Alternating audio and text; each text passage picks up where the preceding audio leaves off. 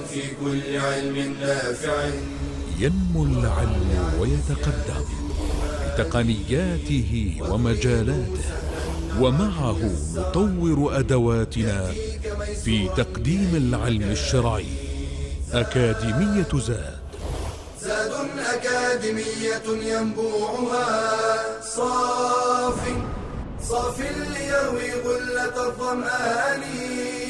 هذه عقيدتنا الصحيحة فطرة تنفي الشكوك بواضح البرهان بشرى لنا زاد أكاديمية للعلم كالأزهار في البستان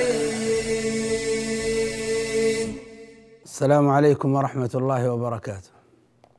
الحمد لله رب العالمين والصلاة والسلام على أشرف المرسلين محمد وعلى آله وصحبه أجمعين. اللهم إنا نسألك علما نافعا وعملا صالحا وقلبا خاشعا ولسانا ذاكرا، اللهم علمنا ما ينفعنا، وانفعنا بما علمتنا واجعله حجة لنا ولا تجعله حجة علينا يا رب العالمين. حياكم الله أيها الأحبة في الله. في المحاضرة السادسة من محاضرات مادة العقيدة في أكاديمية زاد. في هذه المحاضرة المحاضرة السادسة بمشيئة الله سنأخذ دلائل نبوة نبينا محمد صلى الله عليه وسلم وسنأخذ هذه الدلائل من ثلاثة نصوص أريد منكم أن تنظروا في هذه النصوص وتستخرجوا منها دلائل نبوة نبينا محمد صلى الله عليه وسلم. النص الأول آيات من كتاب الله من سورة الأعراف من آية 155 فما بعدها. انظروا في هذه الآيات وتأملوا فيها واستخرجوا من خلالها الأدلة التي تدل على نبوة نبينا محمد صلى الله عليه وسلم. تذكرون في المحاضرة السابقة قلنا دلائل النبوة كثيرة وأخذنا منها عدة أنواع. النوع الأول من دلائل نبوة نبينا صلى الله عليه وسلم آه النظر في شخصيته. شخصيته صلى الله عليه وسلم تدل على أنه نبي. أن أخلاقه صلى الله عليه وسلم وشمائله وصفاته آه كلها تدل على كونه نبي. وقلنا نوع ما جاء به يدل على أنه نبي فهو لم يأتي بشيء لم يأتي به الأنبياء من قبله. المبشرات في الكتب السابقة الآيات التي أعطاه الله سبحانه وتعالى إياها كلها تدل على نبوته إجابة دعوته نصره على الأعداء وهكذا.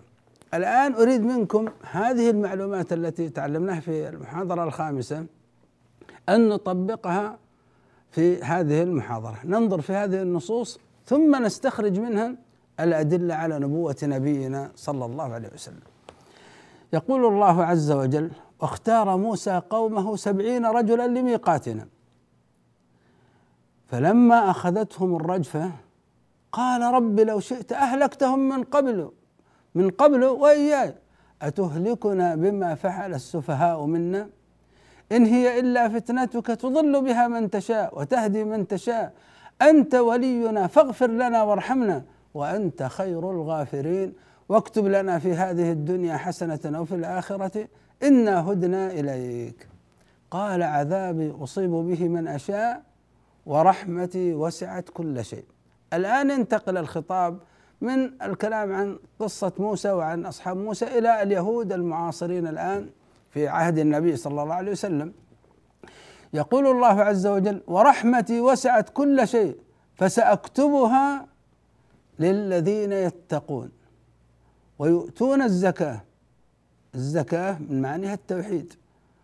والذين هم بآياتنا يؤمنون الذين يتبعون. هنا الآن يعني بعد بعثة نبينا صلى الله عليه وسلم هناك شرط لا بد منه مع التقوى والتوحيد والإيمان بآيات الله هناك بعد بعثة محمد صلى الله عليه وسلم رحمة الله آه التي وسعت كل شيء مكتوبة لمن يضيف هذا الأمر بعد بعثة النبي صلى الله عليه وسلم وهو متابعة رسولنا. تعالوا نتأمل في الآيات. قال الذين يتبعون الرسول النبي.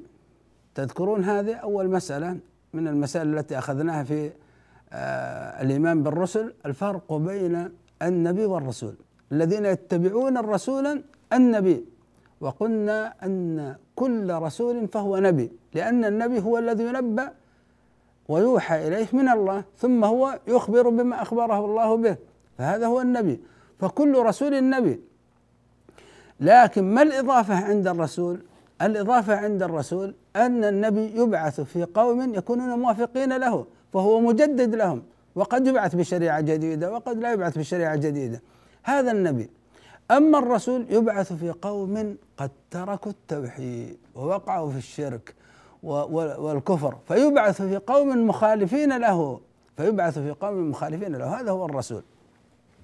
ولذلك عدد الرسل أقل بكثير من عدد الأنبياء. الأنبياء كثر لكن الرسل قلة بالنسبة للأنبياء.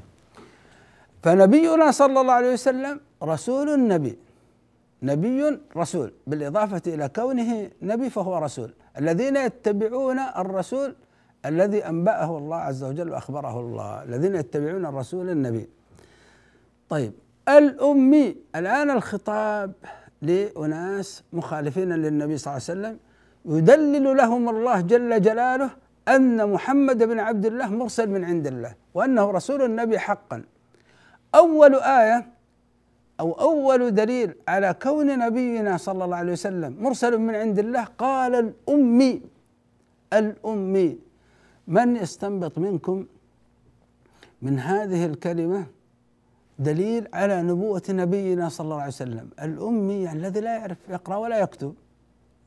فكيف يكون يكون هذا الوصف في حق نبينا صلى الله عليه وسلم دليل على نبوته؟ الأمي. النبي صلى الله عليه وسلم بلغ في الأمية مبلغا عظيما حتى أحرف اسمه لا يعرفها. الميم والحاء الدال لا يعرفها صلى الله عليه وسلم. ومع هذا هذا الوصف في حق غير نبينا صلى الله عليه وسلم وصف نقص في حق نبينا آية تدل على أنه رسول الله أنه رسول النبي كيف ذلك؟ كيف ذلك؟ أنه أتى بهذا القرآن العظيم فالأمي إشارة إلى هذا القرآن وأن هذا الأمي أتى بهذا القرآن فهذا القرآن لكون نبينا صلى الله عليه وسلم أمي دليل على أن محمد بن عبد الله رسول الله. لو كان النبي صلى الله عليه وسلم ليس بأمي ممكن أن يقال أنه قرأ في الكتب السابقة وقرأ في كتب الفلاسفة وقرأ في التاريخ القديم ثم استطاع بعد ذلك أن يعطي خلاصات. لكن نبينا صلى الله عليه وسلم لا يعرف يقرأ ولا يكتب. ثم يأتي بأخبار من مضى. ويأتي بتلك الأخبار على وجه الدقة والإتقان والإحكام والإختصار. شيء عجيب. لا يمكن أن يكون ذلك من إنسان أمي. ثم في هذا القرآن أخبار ما سيأتي إلى يوم القيامة إلى أحداث الجنة والنار. ما يمكن أن يكون هذا أم يعني قرأ في الكتب ما مضى ولا في الفلاسفة ما ما يمكن أن يكون ذلك. ثم يأتي هذا التشريع ثم يأتي تأتي هذه البلاغة ثم تأتي هذه العقائد. ما يمكن لا يمكن أبدا ولا يتصور عقل عاقل أن يكون هذا القرآن إلا من عند الله سبحانه وتعالى. ولذلك هذا أول دليل على نبوة نبينا صلى الله عليه وسلم وهو أعظم دليل. وهذا الدليل نحن نراه في عصرنا الحاضر. هناك آيات النبي صلى الله عليه وسلم أعطيها من عند الله. تدل على صدقه آية انشقاق القمر آية تكلم الأحجار آية تكثير الطعام تكثير الماء آيات كثيرة. لكن هذه قد لا نراها نحن الآن. أما الأمي القرآن فهي هذه المعجزة بين أيدينا نحن اليوم ونراها. فهذه أول آية آه، تدل على نبوة نبينا صلى الله عليه وسلم. ناخذ فاصل ثم نعود ونستكمل معكم إن شاء الله. بشرى لنا أكاديمية للعلم كالأزهار في البستان.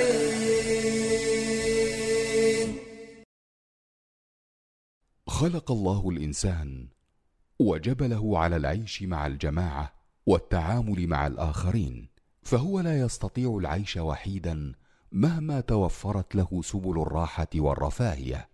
لذا كانت الصحبة امرا ضروريا للغاية وقد جاء القرآن والسنة ببيان أهمية الصحبة ومدى خطورتها على الإنسان. ففي الحديث الرجل على دين خليله فلينظر أحدكم من يخالل. فالصاحب يؤثر في صاحبه ولا شك فإما أن يؤثر فيه خيرا فيذكره بالله ويأمره بالصالحات ويحثه على الطاعات فيكون من أسباب نجاته يوم القيامة وإما أن يؤثر فيه شرا فيأمره بالخبائث ويحثه على المفاسد ويصده عن ذكر الله تعالى فيكون سببا في ضياعه وهلاكه يوم القيامة. قال تعالى ويوم يعض الظالم على يديه يقول يا ليتني اتخذت مع الرسول سبيلا. يا ويلتى ليتني لم أتخذ فلانا خليلا. لقد أضلني عن الذكر بعد إذ جاءني. وكان الشيطان للإنسان خذولا. ومن أوضح الأمثلة المبينة لأثر الصحبة ما ضربه النبي صلى الله عليه وسلم مثلا لتأثير الجليس على جليسه. فقال عليه الصلاة والسلام إنما مثل الجليس الصالح والجليس السوء كحامل المسك ونافخ الكير. فحامل المسك إما أن يحذيك وإما أن تبتاع منه وإما أن تجد منه ريحا طيبه ونافخ الكير. إما أن يحرق ثيابك وإما أن تجد ريحا خبيثه فالعاقل يتخير الصالحين والأخيار لمجالستهم والقرب منهم ويبتعد كل البعد عن صحبة الذين يوردونه المهالك ويورثونه الندامة في الدنيا والآخرة. الأخلاء يومئذ بعضهم لبعض عدو إلا المتقين. بشرى جنازات أكاديمية للعلم كالأزهار في البستان. حياكم الله أيها الأحبة في الله. قلنا الآية هذه ناخذ من كلمة الأمي دليل على نبوة محمد صلى الله عليه وسلم أنه مرسل من عند الله أنه أمي ثم أتى بهذا القرآن العظيم المعجز. هذا نوع من الأدلة. الدليل الثاني قال الذي يجدونه مكتوبا عندهم في التوراة والإنجيل. هذا النوع ماذا نسميه يا إخوان؟ نسميه المبشرات في الكتب السابقة. الكتب السابقة بشرت بنبوة نبينا صلى الله عليه وسلم. ولهذا نحن عندنا الإيمان بالكتب السابقة ركن من أركان الإيمان. لا يصح إيمان الإنسان إلا بالإيمان بالكتب السابقة. الإيمان بالله والملائكة والكتب والرسل. وسبب تعظيمنا للإيمان بالكتب السابقة أنها تدل على نبوة نبينا صلى الله عليه وسلم من نواحي عديدة. منها أنها جاءت تبشر بهذا النبي بهذا الرسول النبي الأمي. جاء وصفه في التوراة وجاء وصفه في الإنجيل. ويا أيها الأحبة في الله مهما امتدت أيدي التحريف للتوراة والإنجيل إلا أنهم لم يستطيعوا إخفاء هذه المبشرات في التوراة وفي الإنجيل. إلى عصرنا الحاضر ما زلت عندما تبحث في التوراة في الإنجيل تجد بعض الإشارات إلى محمد بن عبد الله صلى الله عليه وسلم. مبشرات فيها وصف دقيق للنبي صلى الله عليه وسلم. فيها وصف لصحابته صلى الله عليه وسلم. فيها وصف لأمته صلى الله عليه وسلم. فهذا الذي يجدونه مكتوبا عندهم في التوراة والإنجيل هذه المبشرات. هذه من أدلة نبوة, نبوة نبينا صلى الله عليه وسلم المبشرات في الكتب السابقة. والمبشرات في الكتب السابقة أيضا فيها دليل آخر في ضمن هذا الدليل وهو أنه في الكتب السابقة ذكر أخلاقه صلى الله عليه وسلم. وأخلاقه صلى الله عليه وسلم أيضا من أدلة نبوته صلى الله عليه وسلم الذي يعرف بالصادق الأمين ويصل عمره أربعين سنة. ولا يكذب على البشر. البتة مستحيل أن يأتي بعد أن وصل عمره 24 أربعين سنة أن يأتي ويكذب على الله مباشرة. فيقول قال الله وهو كاذب. هو ما قال قال فلان من البشر وهو كاذب. يأتي بعد أن يصل عمره أربعين سنة ويقول قال الله وهو كاذب. لا يمكن ذلك. فأخلاقه صلى الله عليه وسلم أيضا من أدلة نبوة نبينا وهذه الأخلاق مسجلة في التوراة وفي الإنجيل. أيضا لاحظوا قول الله سبحانه وتعالى يقول يأمرهم بالمعروف وينهاهم عن المنكر ويحل لهم الطيبات ويحرم عليهم الخبائث ويضع عنهم إصرهم والأغلال التي كانت عليهم. أعطوني من هذا الجزء كيف نستدل بأن النبي صلى الله عليه وسلم يأمر بالمعروف وينهى عن المنكر يحل الطيبات ويحرم الخبائث؟ كيف نستدل بهذا الجزء على نبوة نبينا صلى الله عليه وسلم؟ هذا يسمى نوع ما جاء به. أن ينظر أن الإنسان إلى المضمون الذي جاء به صلى الله عليه وسلم. جاء يدعو إلى ماذا؟ جاء يدعو إلى التوحيد جاء يدعو إلى بر الوالدين إلى صلة الأرحام إلى إطعام الطعام. جاء يدعو إلى الأخلاق الفاضلة وجاء ينهى عن الشرك وعن الكذب وعن عقوق الوالدين وعن الأخلاق السيئة. جاء يدعو إلى صلاح الدنيا. وينهى عن فسادها. هذا النوع هو ما جاءت به الرسل جميعا. فيسمى هذا المسلك في فحص يعني آه، رسولنا صلى الله عليه وسلم هل هو مرسل من عند الله؟ يسمى المسلك النوعي. فنوع ما جاء به أيضا هو يدل على كونه رسول الله. فالله عز وجل قال لهؤلاء حتى تعرفوا أن محمد بن عبد الله رسول الله يأمرهم بالمعروف ينهاهم عن المنكر يحل لهم الطيبات يحرم عليهم الخبائث. هذا الذي جاء به وهذا هو الذي جاء به موسى عيسى موسى إبراهيم نوح كل الأنبياء الذين سبقوا إنما جاءوا بهذا. فهذا يسمى مسلك نوعي ويضع عنهم إصرهم والأغلال التي كانت عليهم هذا يدل على نسخ شريعة محمد صلى الله عليه وسلم للشرائع السابقة. ثم يقول الله عز وجل فالذين آمنوا به وعزروه عزروه يعني عظموه. فالذين آمنوا به برسولنا صلى الله عليه وسلم هذا الرسول النبي الأمي آمنوا به وعزروه عظموه ونصروه يعني هذا الواجب علينا تجاه النبي صلى الله عليه وسلم. الإيمان به التعظيم له النصره له. واتبعوا النور الذي أنزل معه المتابعة لهذا الوحي الإلهي والمتابعة لشريعته. ما النتيجة؟ أولئك هم المفلحون. أيضا يا إخوان هذا فيه نوع من أدلة نبوة نبوة نبينا صلى الله عليه وسلم. كيف؟ أن كيف تعرف أن هذا هو رسول الله؟ أنك إذا آمنت به ونصرته وعظمته واتبعت ما جاء به ستجد الفلاح في الدنيا قبل الآخرة. فالعاقبة حسن العاقبة إجابة الدعاء النصر على الأعداء التمكين في الأرض كل هذه دلالة على نبوة نبينا صلى الله عليه وسلم. طبعا وهذه الآية فيها بيان الواجب علينا. ما الواجب علينا تجاه النبي صلى الله عليه وسلم؟ الإيمان به ومن الإيمان به الإيمان بجميع ما أخبر والتعظيم له صلى الله عليه وسلم ولا يكون دعاؤنا له كدعاء أحد من البشر آه كدعاء غيره من الآخرين إنما بأنه رسول الله ونبي الله آه، وهكذا.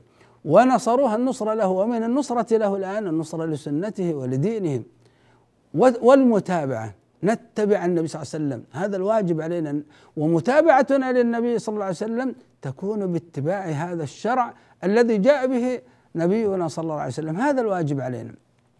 ثم يقول الله عز وجل لنبيه قل يا أيها الناس إني رسول الله إليكم جميعا. هذا يدل على عموم رسالة النبي صلى الله عليه وسلم وأنها ليست مقصورة على أقوام معينين بل هي لجميع الناس بل هي شاملة حتى للجن. لكن هنا في هذا الآية يعني خص الناس. قل يا أيها الناس إني رسول الله إليكم جميعا. عموم رسالته صلى الله عليه وسلم. وأنها مستمرة لكونها هي آخر الرسالات مستمرة إلى قيام الساعة.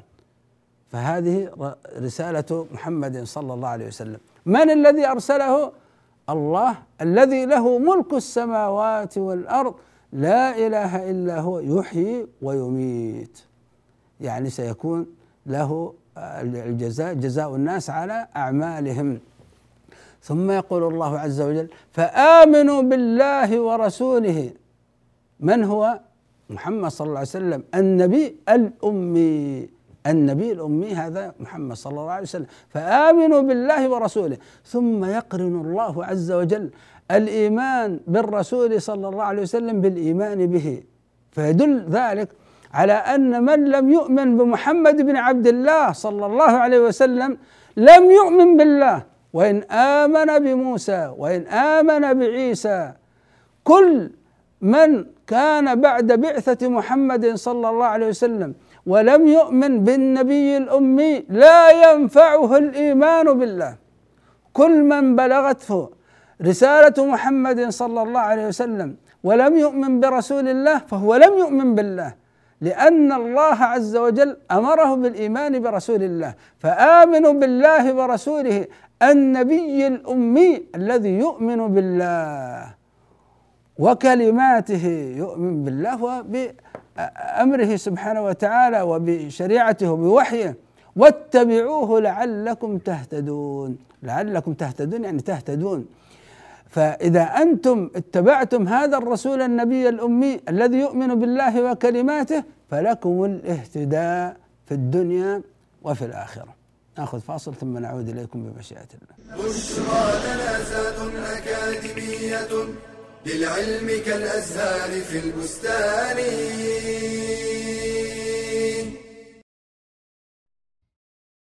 قد وصل بي الحال إلى الغفلة عن الطاعة والتكاسل في أدائها وكأني لا أشتاق إلى جنة ولا أرهب نارا ولا أخشى أن يتخطفني الموت في أي لحظة ولا أدري ماذا أفعل. كانت هذه رسالة من شاب أصيب بضعف الإيمان نتيجة تكاسله في طاعة ربه وغفلته عنها ورأى من نفسه كثرة الوقوع في المعاصي التدرج إلى معاص جديدة التهاون في أداء الصلوات والتكاسل عن الطاعات قلة ذكر الله ودعائه عدم التأثر بآيات القرآن عدم ذكر الموت أو التأثر به. كل هذه أعراض لها أسباب منها. التواجد في وسط تكثر فيه الغفلة وارتكاب المعاصي. التسويف وطول الأمل. شدة التعلق بالدنيا. والغفلة عن الآخرة وحسابها. الإفراط في المباحات. والإكثار من الكماليات والمرفهات. فمن أراد النجاة والفلاح فلينفض عن نفسه غبار التكاسل والتهاون والتسويف.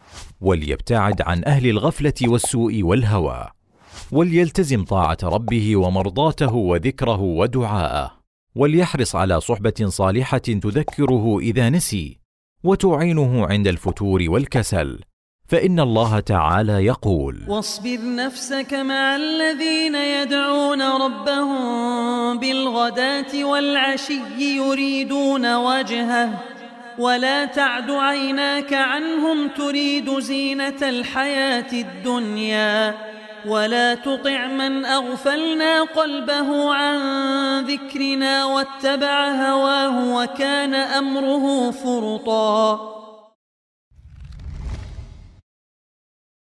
بشرى لنا أكاديمية للعلم كالأزهار في البستان. حياكم الله أيها الأحبة في الله. آه نود نأخذ نص ثاني وهو في صحيح البخاري لننظر وهذا النص الذي قام بالتأكد من كون محمد بن عبد الله رسول الله هو هرقل عظيم الروم.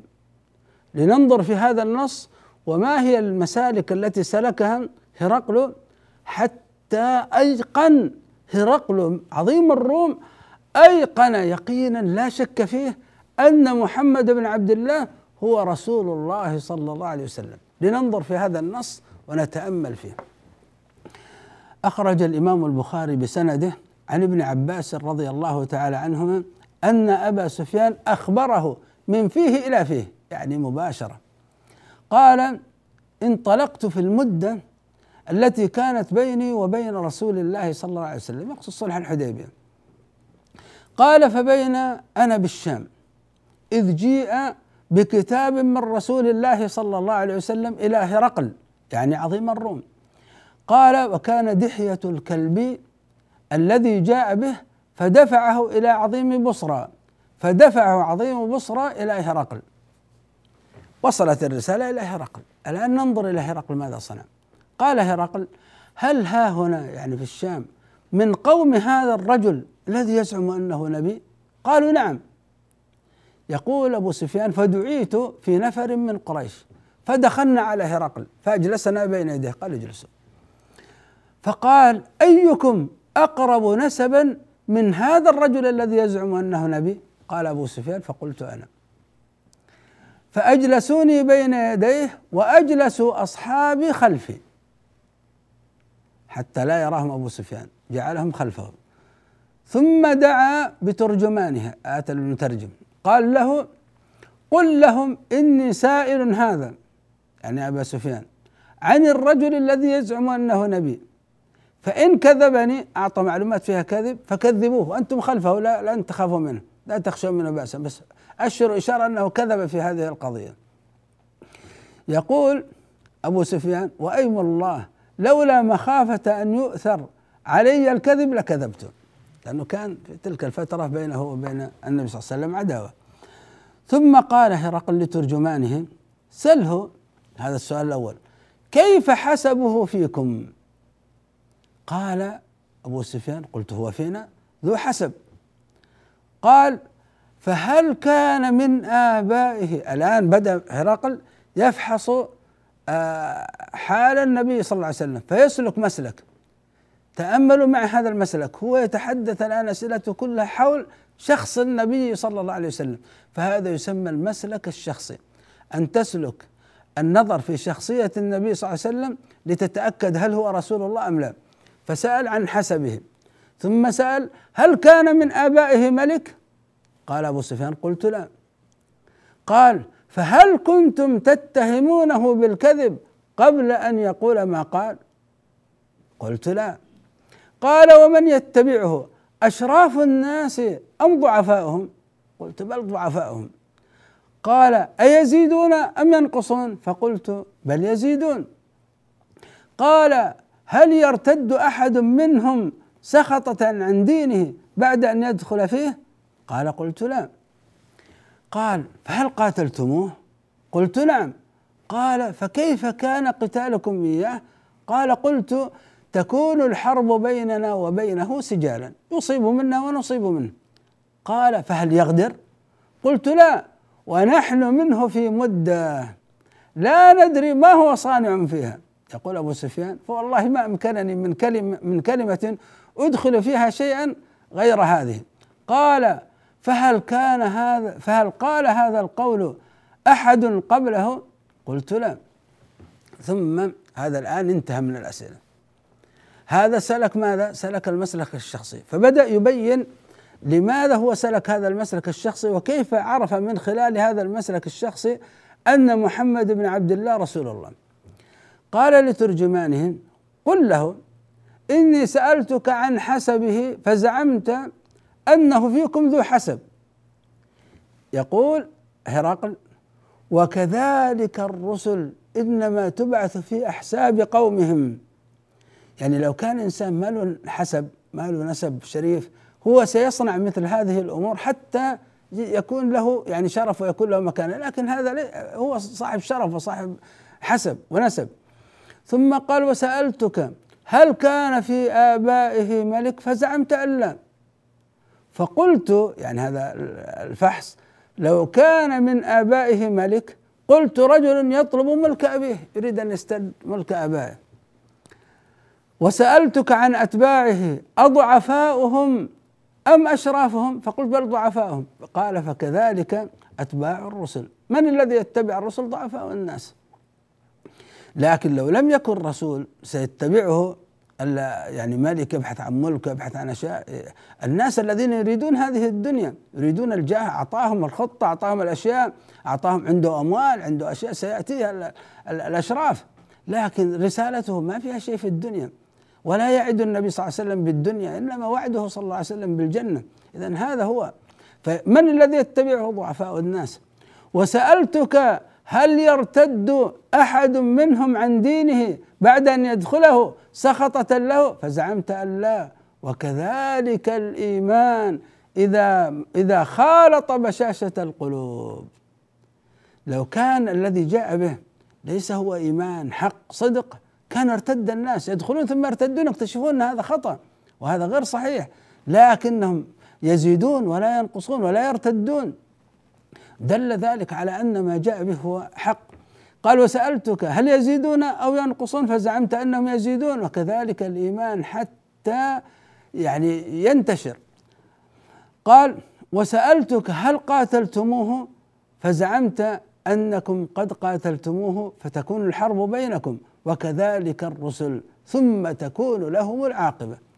وسألتك هل يقدر؟ فزعمت أنه لا يقدر وكذلك الرسل لا تقدر. وسألتك هل قال هذا القول هل قال هذا القول أحد قبله؟ فزعمت أن لا. فقلت لو كان هذا القول قد قاله أحد قبله فقلت أنه تم بقول قيل قبله أنه تم بقول قيل قبله. إذا هذا المسلك يسمى المسلك الشخصي. هرقل فحص رسولنا صلى الله عليه وسلم من هذه الناحية واستنتج وقطع وجزم بأن محمد بن عبد الله من ناحية النظر الشخصي أنه رسول الله. ثم انتقل يبحث في مسلك آخر سلك مسلكا آخر. يسمى المسلك النوعي. قال بما يأمركم؟ قلت يأمرنا بالصلاة والزكاة والصلة والعفاف.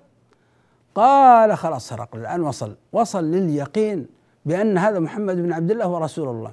سلك مسلك شخصي سلك مسلك النوعي يأمر بماذا؟ بالصلاة والزكاة وهذا الذي تأمر به الرسل. قال إن يكن ما تقول فيه حقا فإنه نبي. وقد كنت أعلم أنه خارج. آه الآن عنده دليل آخر. وهو المبشرات في الكتب السابقة التي تحدد حتى الزمن. يقول عرف أنه خارج في هذه الفترة لكن يقول ولم أكن أظنه منكم. انتهى الآن. عرف الآن ما عنده من أيضا مبشرات الكتب السابقة الصفات الأشياء المدة الزمان. فجزم يقينا أن محمد بن عبد الله رسول الله. قال ولو أني أعلم أني أخلص إليه لأحببت لقاءه. ولو كنت عنده لغسلت عن قدميه وليبلغن ملكه ما تحت قدمي. هذا يعرفه في في الكتب السابقة هذا الأمر. قال ثم دعا بكتاب رسول الله صلى الله عليه وسلم فقرأه فإذا فيه بسم الله الرحمن الرحيم من محمد رسول الله إلى هرقل عظيم الروم سلام على من اتبع الهدى. أما بعد فإني أدعوك بدعاية الإسلام. أسلم تسلم وأسلم. يؤتك الله أجرك مرتين. لماذا يأخذ أجره مرتين؟ لإيمانه برسالة محمد صلى الله عليه وسلم وإيمانه برسالة عيسى عليه السلام. وإن توليت فإن عليك إثم الإريسين. أتباعك هؤلاء الفلاحين كلهم هؤلاء الناس الذين يعظمونك وتركوا اتباع الإسلام واتباع الدين الحق بسببك عليك إثمهم. إن آمنت لك الأجر مرتين وإن توليت فإن عليك إثم الريسين بالإضافة إلى إثمك. ويا أهل الكتاب تعالوا إلى كلمة سواء بيننا وبينكم فصل بيننا وبينكم. ألا نعبد إلا الله ولا نشرك به شيئا ولا يتخذ بعضنا بعضا أربابا من دون الله فإن تولوا فقولوا اشهدوا بأننا مسلمون. فلما فرغ من قراءة الكتاب ارتفعت الأصوات عندهم وكثر اللغط وأمر بنا فأخرجنا. قال فقلت يقول أبو سفيان فقلت لأصحابي حين خرجنا لقد أمر أمر بن أبي كبشة إنه لا يخافه ملك بني الأصفر.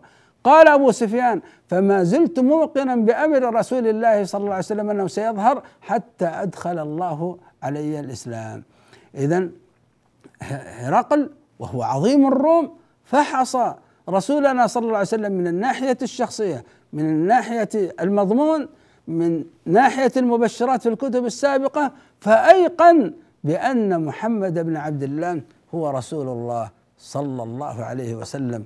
نسأل الله سبحانه وتعالى بأسمائه الحسنى وصفاته العلى أن يملأ قلوبنا جميعا يقينا برسالة محمد صلى الله عليه وسلم وأن يملأ قلوبنا بالإيمان بالرسول صلى الله عليه وسلم والتعظيم له وأن يجعل جوارحنا متابعة لرسولنا صلى الله عليه وسلم متبعة لهذا النور الذي جاء به محمد بن عبد الله صلى الله عليه وسلم.